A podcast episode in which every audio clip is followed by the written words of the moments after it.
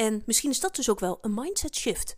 Dat ergens mee stoppen niet per se gezien hoeft te worden als falen of een gebrek aan doorzettingsvermogen, maar misschien juist als een voorbeeld van persoonlijk leiderschap, waarbij je doet aan reflectie en vervolgens in actie komt om je eigen plezier, je eigen werkgeluk te vergroten.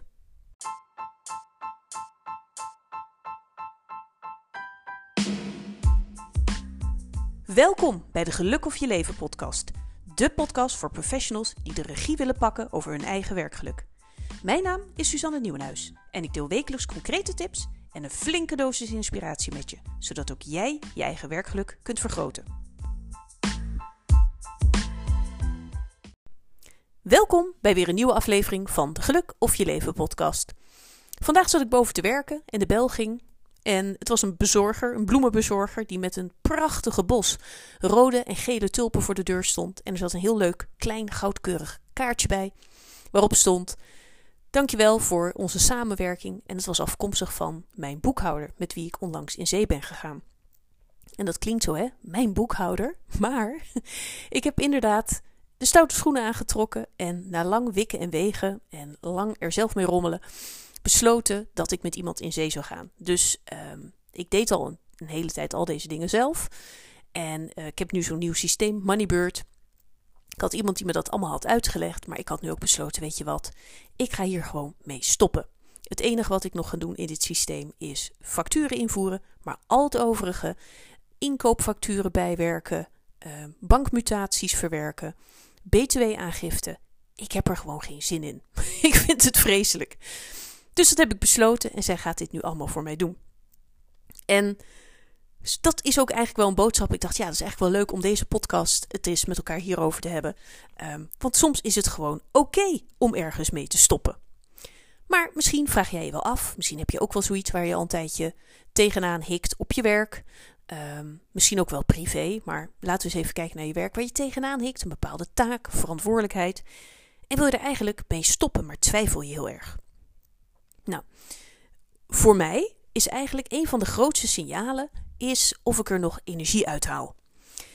Of ik er nog plezier aan beleef. Nou, en als we eens even kijken naar dit hele Moneybird systeem. Want ik had natuurlijk een tijdje geleden ook een podcast opgenomen, podcast 25 over hoe je kunt zorgen dat je niet dingen gaat uitstellen. Nou, dit Moneybird was nou zoiets wat ik continu aan het uitstellen was. En wat ik dan probeerde in kleine brokjes op te breken, door gewoon maar vijf minuutjes of tien minuutjes eraan te hoeven werken. Dat is een methode die bij mij meestal heel goed helpt om dan toch aan een bepaalde taak te beginnen.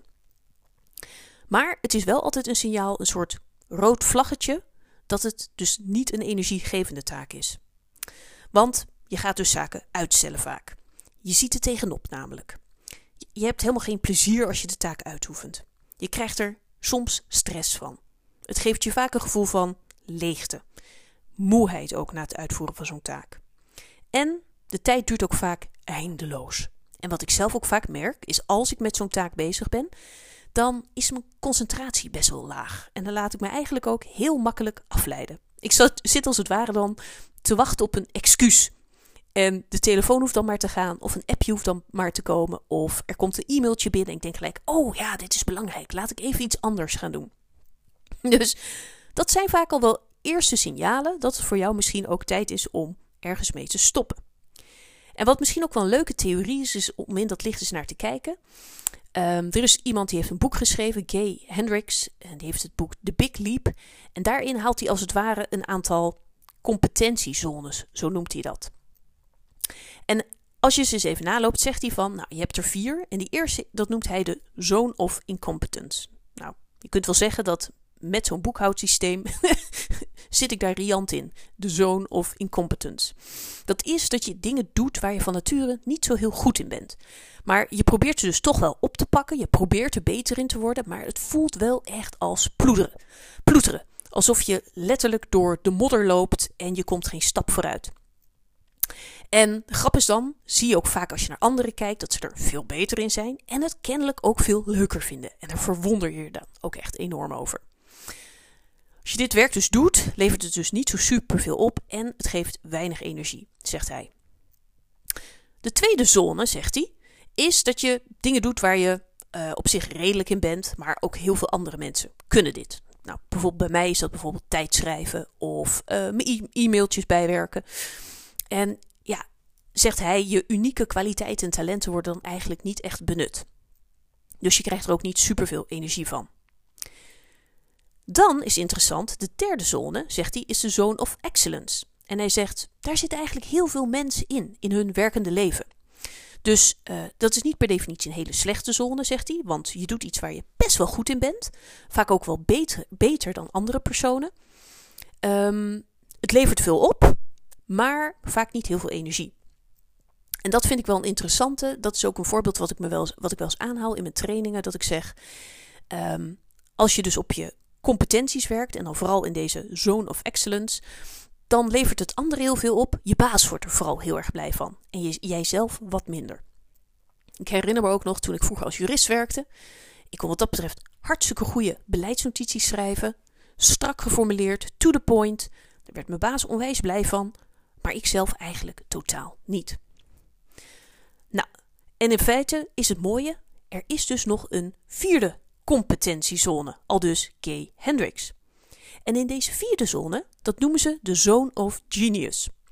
En het voelt misschien ook een beetje raar om te zeggen, ja, daarbij zit ik in mijn Zone of Genius. Maar hij zegt, dat is een zone waar je in zit, waarbij je dus wel gebruik maakt van al die natuurlijke talenten van jezelf.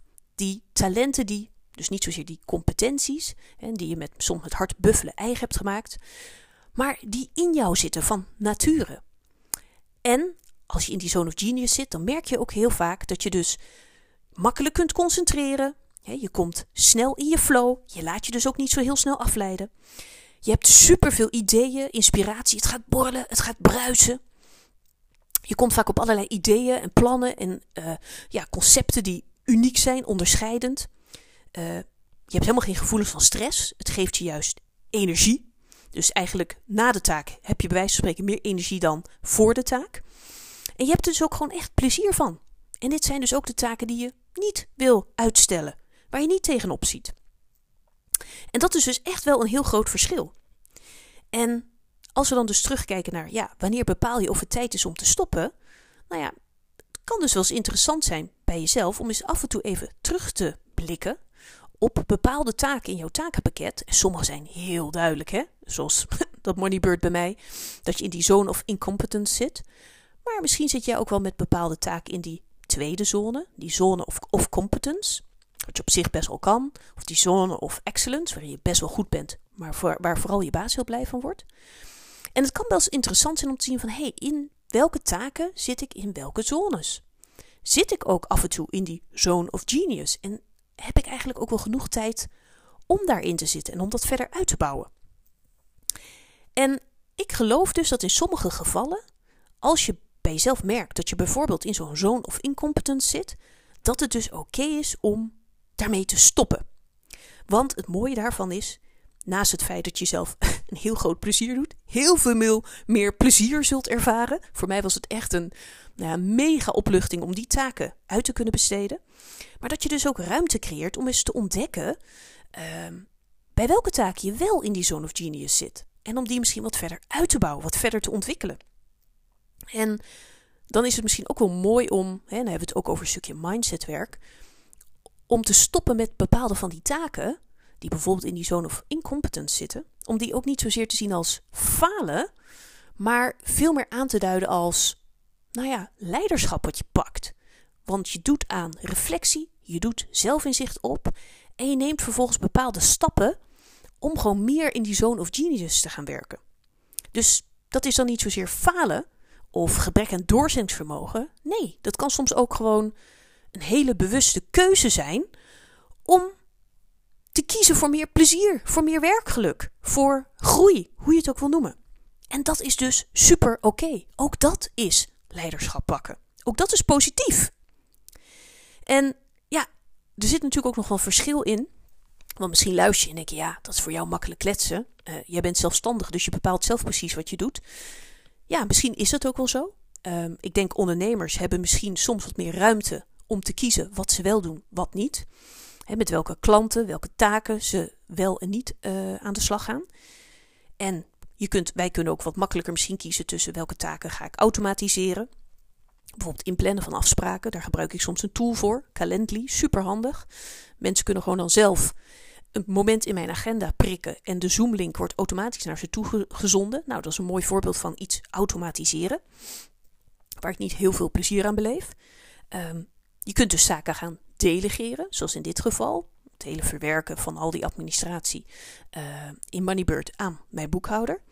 Uh, en je kunt natuurlijk ook gaan prioriteren. Waar geef ik meer en minder tijd aan? Waar leg ik de focus komend jaar?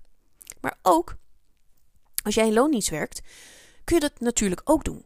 Want zodra jij voor jezelf scherp hebt welke taken en verantwoordelijkheden bijvoorbeeld in die zone of genius zitten, waar je meer van wil, en welke van jouw taken misschien meer in die zone of incompetence liggen, of misschien in de zone of excellence, zodra je dat scherp hebt, kun je ook vanuit daar weer verder gaan opereren. Kun je misschien uh, bepaalde grenzen stellen, of kun je het gesprek bijvoorbeeld eens aangaan met een leidinggevende.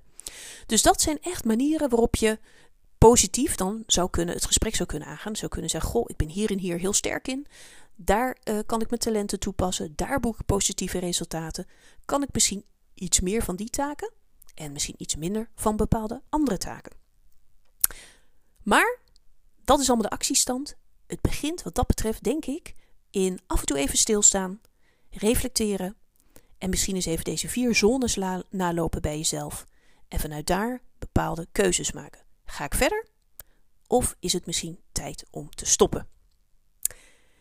Als je stopt, ik stop nu ook met deze podcast. Laat het me weten als dit een bepaald inzicht heeft gebracht. En um, vind ik alleen maar onwijs leuk om te horen. En ik hoor of luister of zie je graag weer op LinkedIn, op Instagram of wellicht bij de volgende podcast.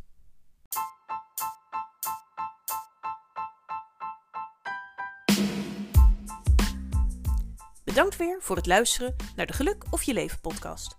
Vond je de podcast waardevol? Deel hem dan alsjeblieft in je netwerk en laat een beoordeling achter op Spotify of Apple Podcast door op de sterren te klikken. Dit zorgt ervoor dat de podcast beter gevonden kan worden. En wil je automatisch een seintje zodra er een nieuwe aflevering online staat? Abonneer je dan met de volgknop en het belletje op Spotify.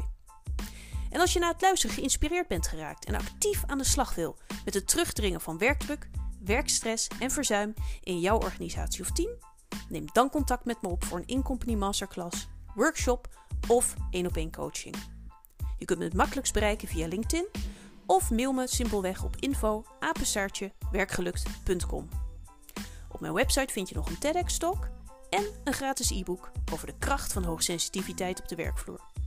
Kijk op www.werkgelukt.com.